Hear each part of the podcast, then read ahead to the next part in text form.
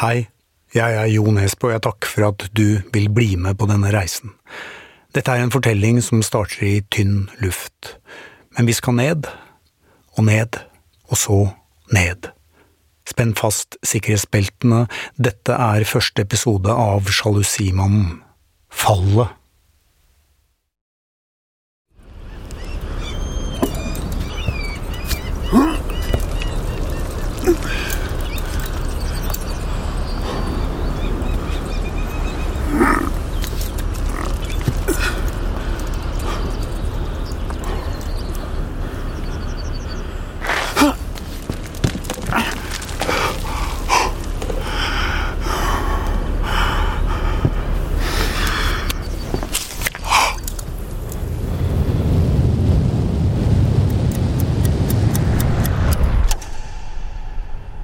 Falle 60 meter tar kort tid. Men hjernen jobber som desperat. Søker gjennom et helt liv for å finne en erfaring som kan redde deg. Da jeg studerte litteratur i Oxford, trodde jeg helt bokstavelig på det Aldous Huxley skrev i Doors of Perception. At gitt litt kjemisk hjelp kan den menneskelige hjerne sanse, huske og skjønne alt i løpet av nanosekunder. Når jeg etter i underkant av to og et halvt sekund har falt 30 meter og har oppnådd en fart på 80 km i timen, vil jeg allerede være fullt opplyst, ha full innsikt. Og da vil jeg, før jeg treffer klippene der nede i en fart på 123,5 km i timen, ha nøyaktig ett sekund på meg til å lure på hva jeg skal bruke all denne kunnskapen til.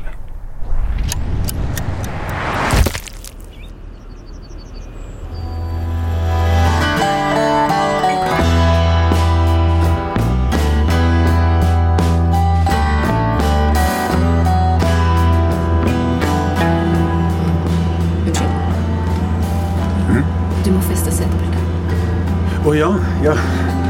Takk. Ja, det er kapteinen igjen. Vi nærmer oss nå landing på Kalamos, Hellas 19. vakreste øy. Vi er heldige. Vi rakk dette akkurat, for nå vil været bli verre. Vi stenger flyplassen for i dag, så ingen retur før i morgen. Det beklager vi, men eh, nyt Kalingos. Ha en fin dag.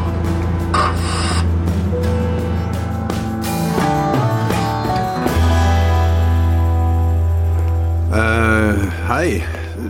Du, du venter på meg, du, kanskje? Ja, det er deg, ja. Greit. Uh, ja, uh, Jorgos Kostopolos. Ja. ja. Takk for at du kunne komme da, på så kort varsel, herr Bali. Bare si Nikos, er du snill. Ja vel. Em, ja, beklager at ikke jeg kjente deg igjen. Det, var, eh, det finnes ikke så mange bilder av deg der ute, og så trodde jeg kanskje at du ja, var mye eldre, da. Er ikke 59 år nok?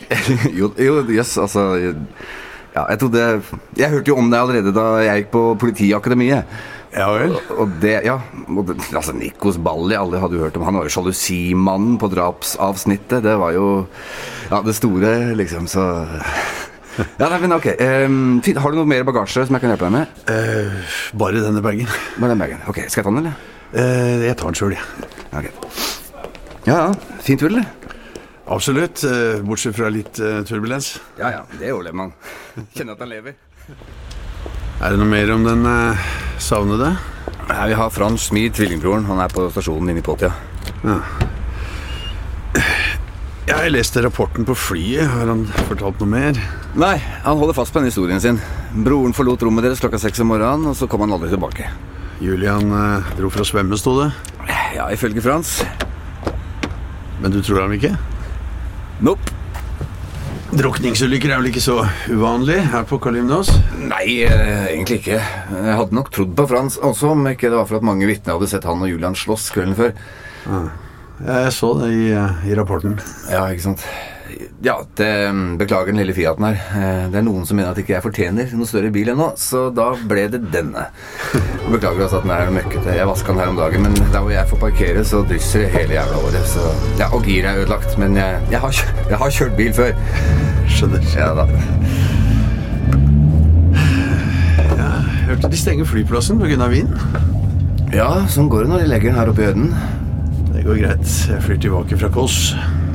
Ja, nå går det nok ikke noen båter heller seinere i dag, altså.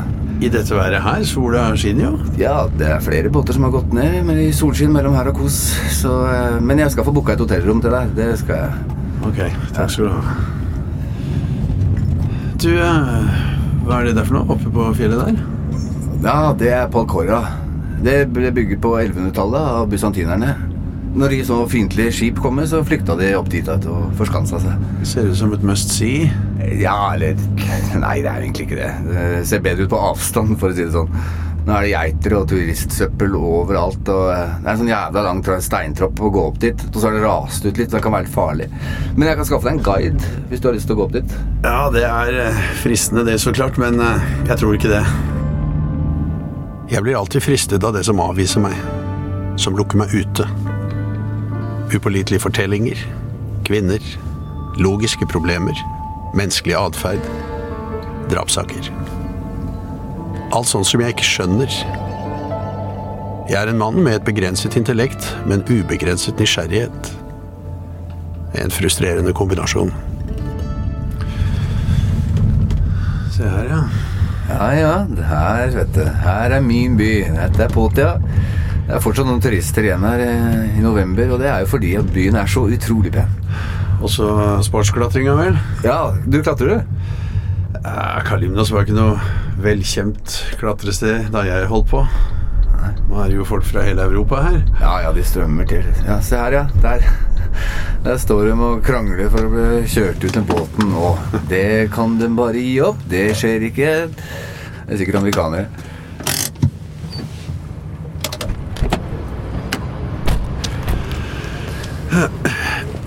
Ja, du, jeg tar den bagen, jeg. Det er ikke nødvendig. Nei, men det er hyggelig. Sånn. Og jeg ser hva du tenker, men du kommer deg ikke vekk fra den øya her i dag. kan du bare glemme. Det var jo en flott eh, beliggenhet for en politistasjon, dette. Ja, det er vel det. Det er det eneste positive du kan si om politistasjonen vår, egentlig. Vi har faktisk en TV her som er like gammel som meg. Og like rund. Altså Ja, jeg kan vise deg litt rundt, jeg. Ja. Men eh, vil du ha en kaffe eller noe å spise? Eller? Odin, hysj! Jørgos! En journalist fra Katimerinia har ringt. De spør om det stemmer at vi har arrestert den savnedes bror. Altså, Jeg sa at jeg skulle be deg ringe dem. Ja, bare ring dem sjøl, du, Kristine. Og så si at ikke det er foretatt noen arrestasjon i saken, og at vi for øvrig ikke har noen kommentar, ok? Ok. Ja, sorry. Eh, ja, kaffe eller et eller annet? Takk, men jeg går helst i gang med det samme, jeg. Greit, ok. Ja, Frans Schmid, han sitter her inne. Ja. Du, eh, bare kort. Eh, er ordet advokat blitt nevnt? Eh, nei, altså vi spurte om han ville ringe ambassaden eller den tyske konsulen på Kos, men som han sa, eh, hva kan de gjøre for å finne broren min? Så det vil si at du ikke har konfrontert ham med mistanken din? Eller vi har spurt han om slagsmålet, det har vi. Men ikke kommentert noe om det, nei. Men han, eh, men han skjønner nok at det er en grunn til at vi har bedt han om å vente til du kommer. Og hvem har du fortalt om at jeg er? En spesialist fra Aten. Spesialist på hva da?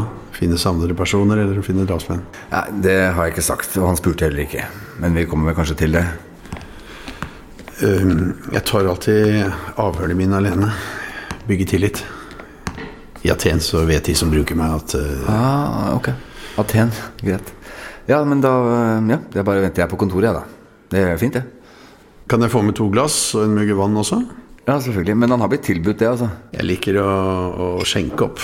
Det, Det, det handler om tillit, ja. Greit. Skjønner.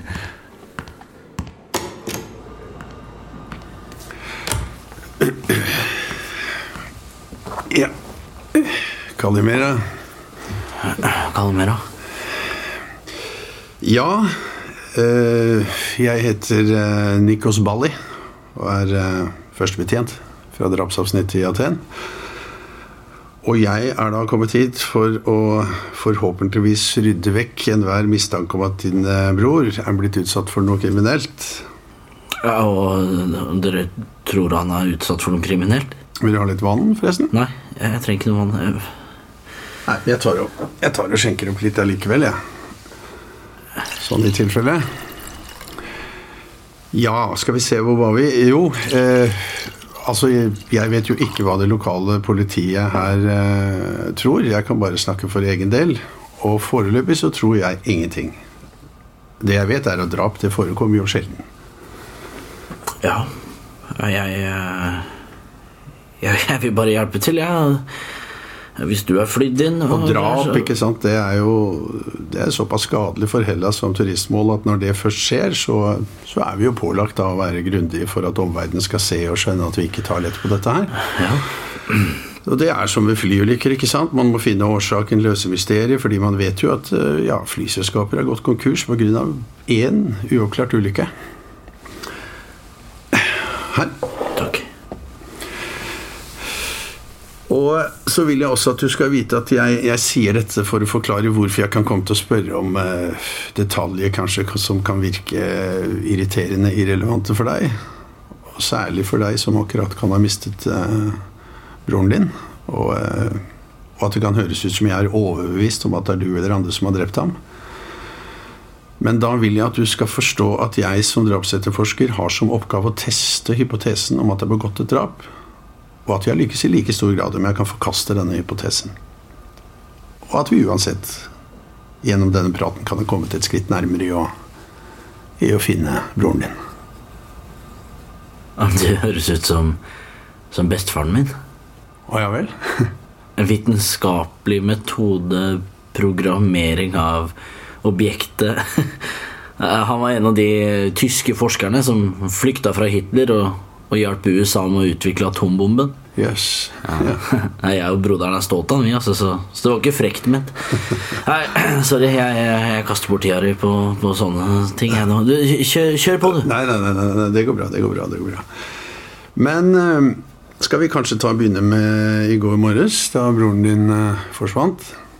Ja, det jeg våkna av at eh, Julian ca. klokka seks gikk for å svømme. Han står alltid opp før meg. for å... Han snakker i en jevn strøm med klar stemme. Som om han ivrig vil avklare hva som kan ha skjedd for å hjelpe til. Eller fjerne mistanken som er rettet mot ham. Selv om jeg observerer og tolker, er kroppsspråket sekundært for meg. Det er fortellinger som er mitt fag. Likevel trekker hjernen min selvfølgelig noen konklusjoner basert på andre observasjoner også. Som at Frans Schmid, til tross for å være skjeggløs, virker å være av en viss hipster-type. Den som går med lue og tjukk flanellskjorte innendørs selv om det er varmt. På knaggen bak ham henger en jakke som etter størrelsen å dømme er hans. Ermene på flanellskjorten er brettet opp, og de muskuløse underarmene disproporsjonale med resten av kroppen. Mens han snakker, studerer han av og til fingertuppene og klemmer forsiktig på fingerleddene, som er tjukkere enn normalt. Klokka på venstre håndledd er en Tissot T-touch, som jeg vet er høydemåler og barometer. Frans Schmid er med andre ord en klatrer. Og eh, mens eh, redningsmannskap og politi holdt på, så, så leide jeg og noen klatrekompiser båt. da Og søkte både langs strendene her og på, og på andre sida av sundet så lenge det var lyst. Ja. Og så eh, Så ringte jeg mamma, da. og venner. I hele går kveld og natt. Og så ble jeg henta hit i dag tidlig for eh, åtte og en halv time siden. Så du, altså, du har vært her i over åtte timer? Ja, bare sitter og venter på deg. Ok, ja. Uh, ja, slåssingen. Den lurte jeg litt på. Kunne du fortelle meg litt om den slåssingen fra, fra kvelden før? Ja, det var bare noe altså, Det var bare en idiotisk krangel, det. Vi var i baren, og så spilte vi litt biljard, og så var alle litt fulle, da.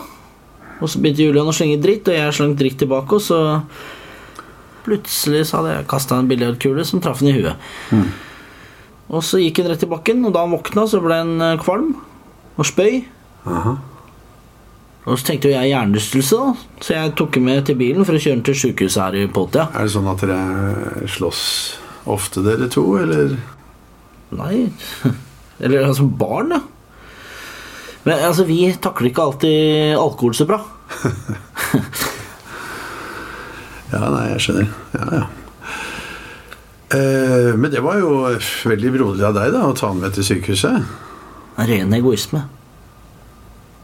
Altså, Jeg ville få den sjekka, så vi visste at det var greit å legge ut på den lange multipitchen som vi hadde planer om å klatre dagen etter. Ok, Ja. Så da Da kjørte du til sykehuset. Ja, Eller nei. ehm, Ja eller nei? nei altså, Vi hadde kjørt et stykke ut av Masori, der vi bor. Da Julian insisterte på at han følte seg bedre, da, at vi skulle snu. Ja, Også fordi vi risikerte å treffe på politiet her i Potia. De, de ville jo lukta fyllekjøring, og da, da ville jo ingen av oss ha klatrepartner, ikke sant? Nettopp. Ja.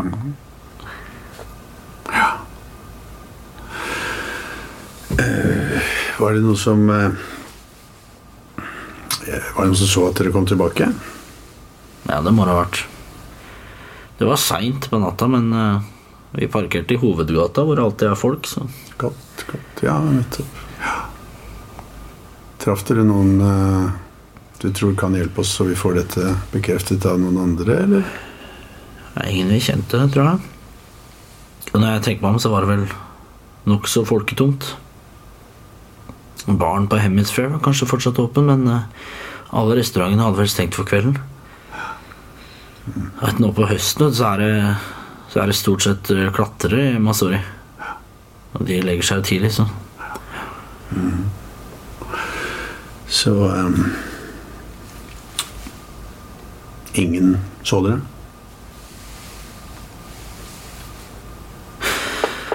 Du veit sikkert hva du holder på med her. Men kan du fortelle meg hvordan dette her er relevant for at broren min er borte? Det kan jeg. Hæ? Det kan jeg, Ja, kan du men det? eh, Fint. jeg er ganske sikker på at du kan gjette det selv også. Hva mener du nå? Altså I denne mappen som jeg har foran meg her, så står det at husverten sier at han ble vekket av en eller flere høye stemmer oppenfra rommet deres, og at det var stolbein og masse forskjellige ting som eh, som skrapte mot gulvet der oppe. Så, så spørsmålet er jo da om Var det sånn at dere kranglet dere fortsatt? Da? Altså, Vi var jo som sagt ikke helt edru, da. Men jeg Jeg har sånn policy at vi aldri skal legge oss øh, og være sinte på hverandre. Så vi sovna som venner, da. Nettopp. Ja. Hva kranglet dere om da? Nei, bare småting. Jeg vil veldig gjerne høre. Ja. Det Frans ikke vet, er at Georgios Kostopolos alt har fått forklaringen om krangelen av et av vitnene. At det er det som fikk Georgios til å ringe drapsavsnitt i Aten. Og at det er derfor det havnet på pulten min. Pulten til sjalusimannen. Det, det var Det var en dame. Hvem sin dame? Ja, ikke sant? Hvem sin dame? Det var vel det kanskje krangelen handla om, da. Jeg skjønner, Frans. Men eh, jeg hadde satt stor pris på om jeg kunne få, eh, få detaljene her også.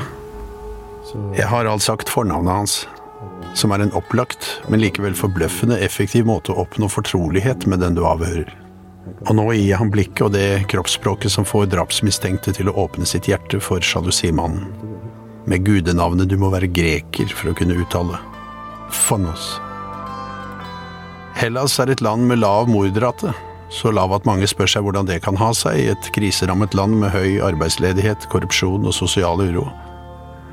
Et vittig svar er at vi ikke har organisert kriminalitet ettersom vi ikke er i stand til å organisere. Men vi har selvfølgelig blod som koker. Vi har personsdrap. Krimpasjonell. Og jeg er mannen de ringer når det er mistanke om at det kan ligge et sjalusimotiv bak drapet. Det sies at jeg kan lukte sjalusi, det er selvfølgelig feil. Sjalusi har ingen spesiell lukt, farge eller lyd. Men den har en historie.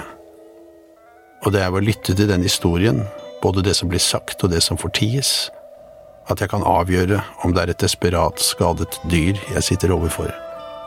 Jeg lytter og vet. Vet fordi det er meg selv, Nikos Balli, jeg lytter etter. Vet fordi jeg selv er et slikt skadet dyr. Hun eh, Hun heter Helena. Vi hadde hviledag fra klatringa. Jeg tok eh, mopeden til andre sida av øya og møtte henne på restauranten til faren hennes. Nei, ja, jeg har aldri turt å, å bare legge an på eh, Eller det er Julians greie mer, da. Men ja, med hun så klarte jeg Jeg klarte bare ikke å la være. Og så fikk jeg bedt henne ut på kvelden. I hemmelighet, så klart, siden faren er streng, og alle på øya kjenner han. Ja. Nei, det hadde gått så fort for meg, men etter tre dater så Altså var vi på toppen av Palcora, og hun viste at uh, Hun viste at hun uh, likte meg, da, Ja. kan du si. Ja. Og seinere så viste jeg en mobilvideo av henne til brutter'n, hvor eh, hun sitter på festningsmuren der oppe, da, i solnedgangen. Og jeg har fortalt om henne, da. Sånn som vi alltid har gjort. Hva slags eh, video? Nei, nei ikke, ikke noe sånt. Brutter'n er mer av den frampå-typen. Og han viste meg en video av en jente han hadde seg med, og foreslo at jeg skulle reise til henne og se om hun la merke til forskjellen på oss, da. Som uh, elskere. Ja, akkurat. Men det, det gjorde du ikke. Nei, nei. Jeg hadde jo møtt Helena. Jeg var allerede så forelska at jeg ikke tenkte på det. Snakka om noe annet. Så det var kanskje ikke så rart da at Julian også ble fascinert av Helena. Og så forelska han seg også. Uten engang å ha møtt henne. Jeg trodde i hvert fall ikke at han hadde møtt henne. Jeg hadde fortalt Helene at jeg, at jeg hadde en bror, men eh, ikke at vi er eneggede tvillinger, da. For vi, vi pleier ikke å fortelle det. Ok, og hvorfor ikke det? Nei, på noen så virker jo det helt sånn freakers at du At du kommer i to eksemplarer, ikke sant? Så vi venter gjerne litt med det, da. Ja, jeg skjønner. Jeg skjønner. Fortsett. Ja, altså For tre dager siden så var telefonen min plutselig borte. da Jeg leita som faen. og Telefonen min var det eneste stedet jeg hadde nummeret til Helena. ikke sant? Og hun og jeg sendte meldinger til hverandre hele tida, så hun Hun måtte jo tro at jeg hadde dumpa henne hvis jeg ikke svarte. Og så fant jeg henne morgenen etter. Jeg lå Jeg lå dura da i jakkelomma til Julian, som var ute og svømte på morgenen, sånn som han pleier. Og da hadde det kommet en SMS fra Helena da, som, som takka for kvelden før. Og skrev at uh, hun håpa at det snart kunne treffes igjen.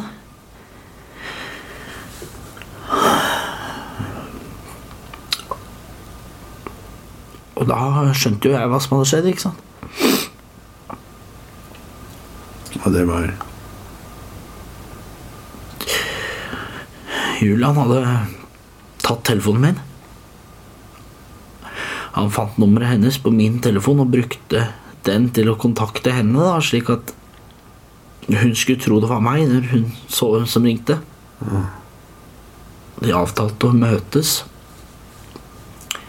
Og heller ikke da de møtte hverandre, så, så skjønte hun at denne personen ikke var meg, men Julian. Aha.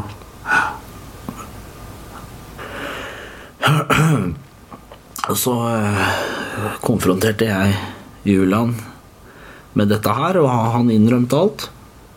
Jeg ble forbanna. Og så dro jeg bare og klatra med noen andre, da.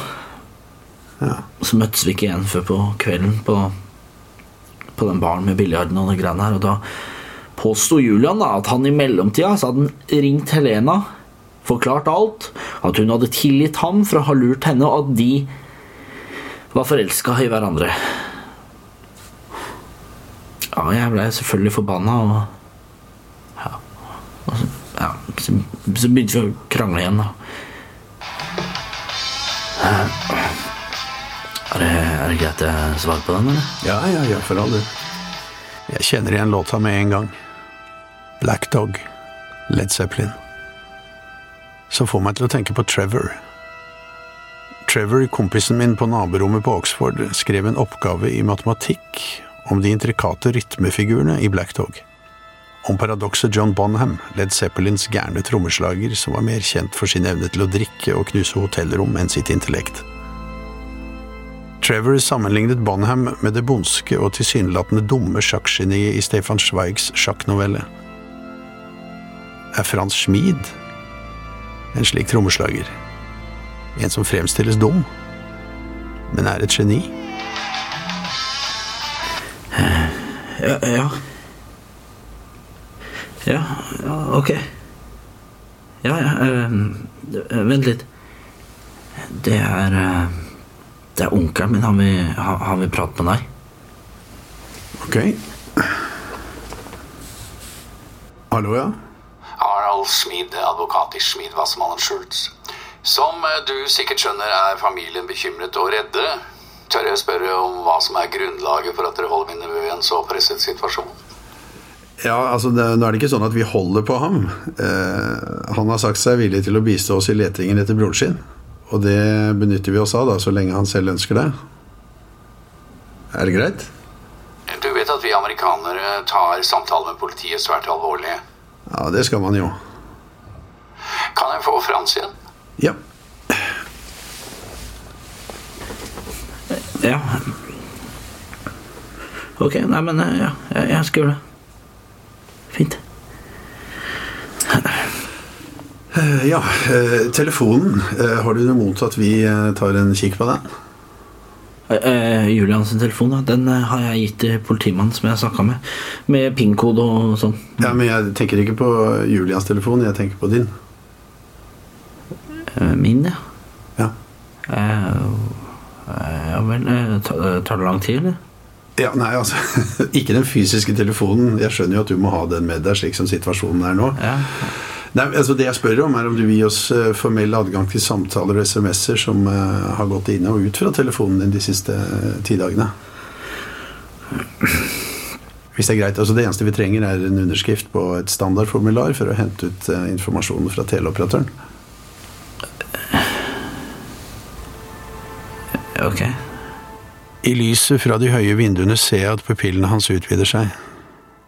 Det at man vil slippe inn mer lys, kan skyldes flere ting, som frykt eller begjær. Men i dette tilfellet tror jeg det bare skyldes økt konsentrasjon. Som når noen gjør et sjakktrekk du ikke hadde regnet med. Det er som om jeg kan kjenne tankene rase gjennom hodet hans. Han har vært forberedt på at vi vil sjekke telefonen, derfor har han slettet de samtaleloggene og tekstmeldingene han ikke vil at vi skal se. Men hos teleoperatøren blir kanskje ingenting slettet, tenker han. Han kan selvfølgelig nekte. Han behøver ikke å gi politiet noe som helst om det ikke foreligger rettslig godkjenning. Men eh, hvordan vil det ta seg ut om han gjør seg vanskelig? Jeg syns jeg ser noe som ligner tilløp til panikk i blikket hans. Altså, så det er, det, er, eh, det er bare for å kunne stryke det av listen av muligheter for, eh, for hvorfor broren din er borte. Sånn at vi kan få fokusert på andre alternativer. Selvfølgelig. Eh, hvor, eh, hvor skriver jeg under? Bare kom inn. Du, ok, du trenger ikke å banke på hos meg. altså Det eneste hemmelige jeg gjør her, det er å ja, duppe av en gang imellom. Ja, hvordan eh, gikk det? Frans sitter på mopeden tilbake til Masuri, og jeg er redd han aner at vi er på sporet av ham. At han kan komme til å stikke av. Ah, ok, Men det kan du bare slappe av med.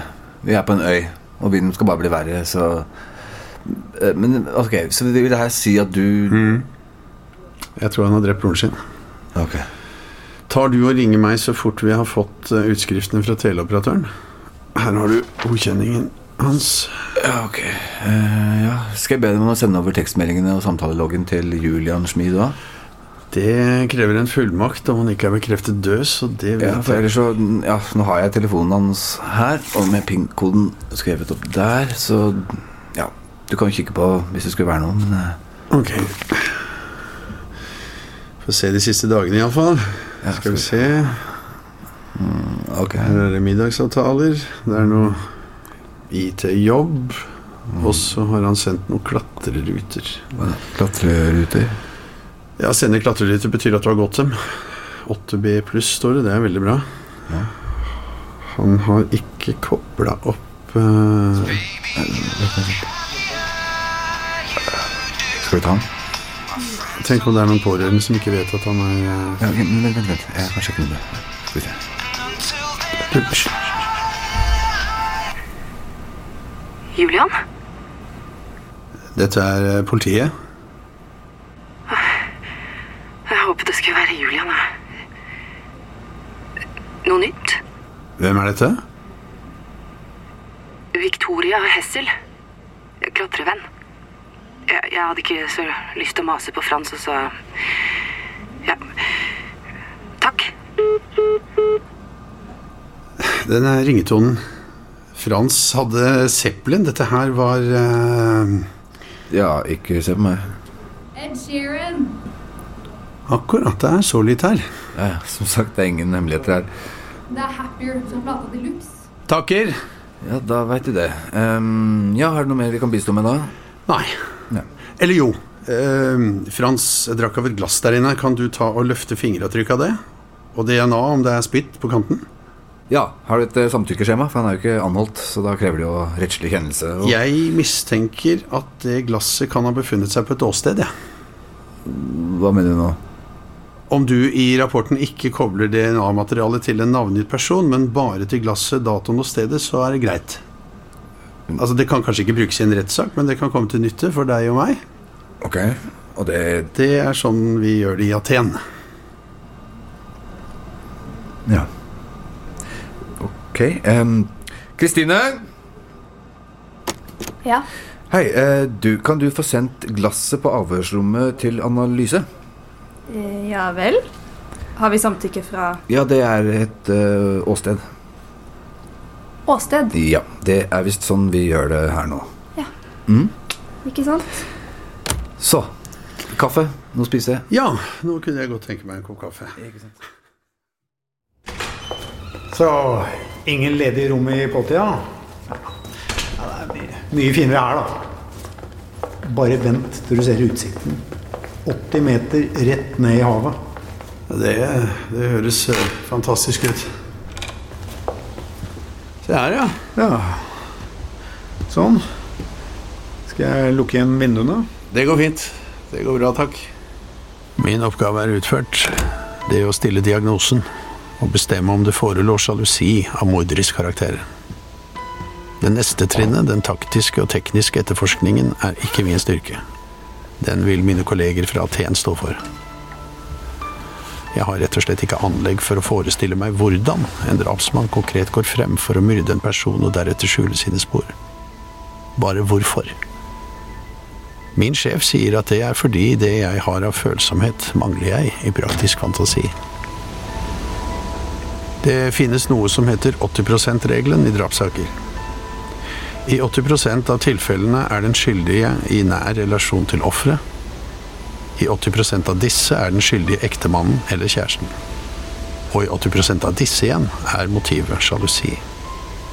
Det gjør meg, mine begrensninger til tross, til en viktig mann. Jeg kan tidfeste akkurat når det var jeg lærte å lese andres sjalusi. Det var da jeg skjønte at Monique elsket en annen. Jeg gikk gjennom alle sjalusiens kvaler, fra vantroen via fortvilelsen til raseriet, selvforakten og til slutt depresjonen. Og i denne følelsesmessige torturen oppdaget jeg at samtidig som smerten var altoppslukende, var det som å betrakte seg selv utenfra. Jeg var pasienten som lå uten bedøvelse på operasjonsbordet, samtidig som jeg var en tilskuer på galleriet, en ung legestudent som fikk sin første innføring i hva som skjer når et menneske får hjertet sitt skåret ut av brystet. Det kan virke rart at det mest ekstremt subjektive, sjalusi, kan gå hånd i hånd med en slik kald objektivitet. Jeg kan bare forklare det med at jeg som sjalu foretok meg ting som gjorde meg til en fremmed for meg selv, i den grad at det tvang meg til å bli en forskrekket betrakter av meg selv. Som en spedalsk som ser sitt eget ansikt oppløses, ser det befengte kjøttet sin egen råtne innside tre frem i all sin groteske gry. I mitt tilfelle av spedalskhet kom jeg ut igjen på den andre siden. Med varige men, det er klart, men også immun. Jeg kan aldri bli sjalu igjen. Om det også betyr at jeg ikke kan elske noen slik igjen, det vet jeg ikke. Eller om det er andre ting i livet enn sjalusien som gjør at jeg aldri senere har følt for noen det jeg følte for Monique. På den annen side.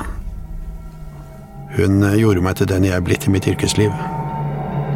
Sjalusimannen.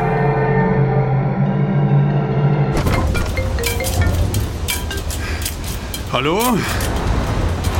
Det, det er Jorgos. Du ba meg ringe hvis vi hadde noe. Eh, Vekka jeg deg? Eh, nei, nei, nei, det går bra. Det var bare vinduslemmen som eh, løsnet her idet du ringte. Hva gjelder det? Nei, eh, Jeg har fått utskrift fra Frans sin telefon. Han ringte hun eh, Victoria Hessel åtte ganger kvelden før Julian forsvant. Er det den samme Ja, jeg sjekka det samme dama som ringte på Julians telefon, men, men du, det er, det er noe annet. Ok. Han har sendt en melding til en Helena Ambrosia. Og hva står det der, da? Jeg har drept Julian.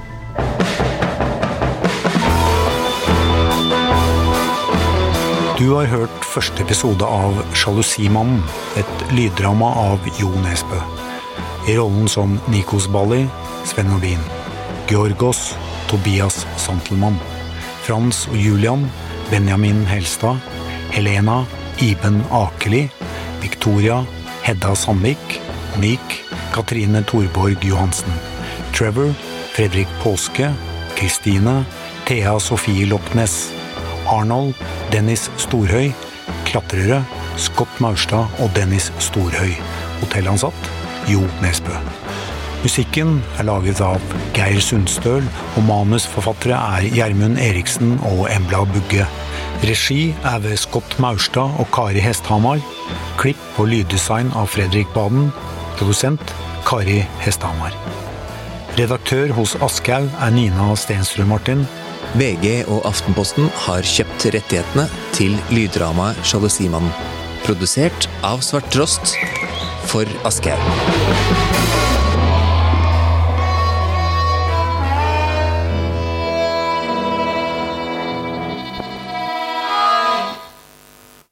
Hei, dette er Sven Nordin.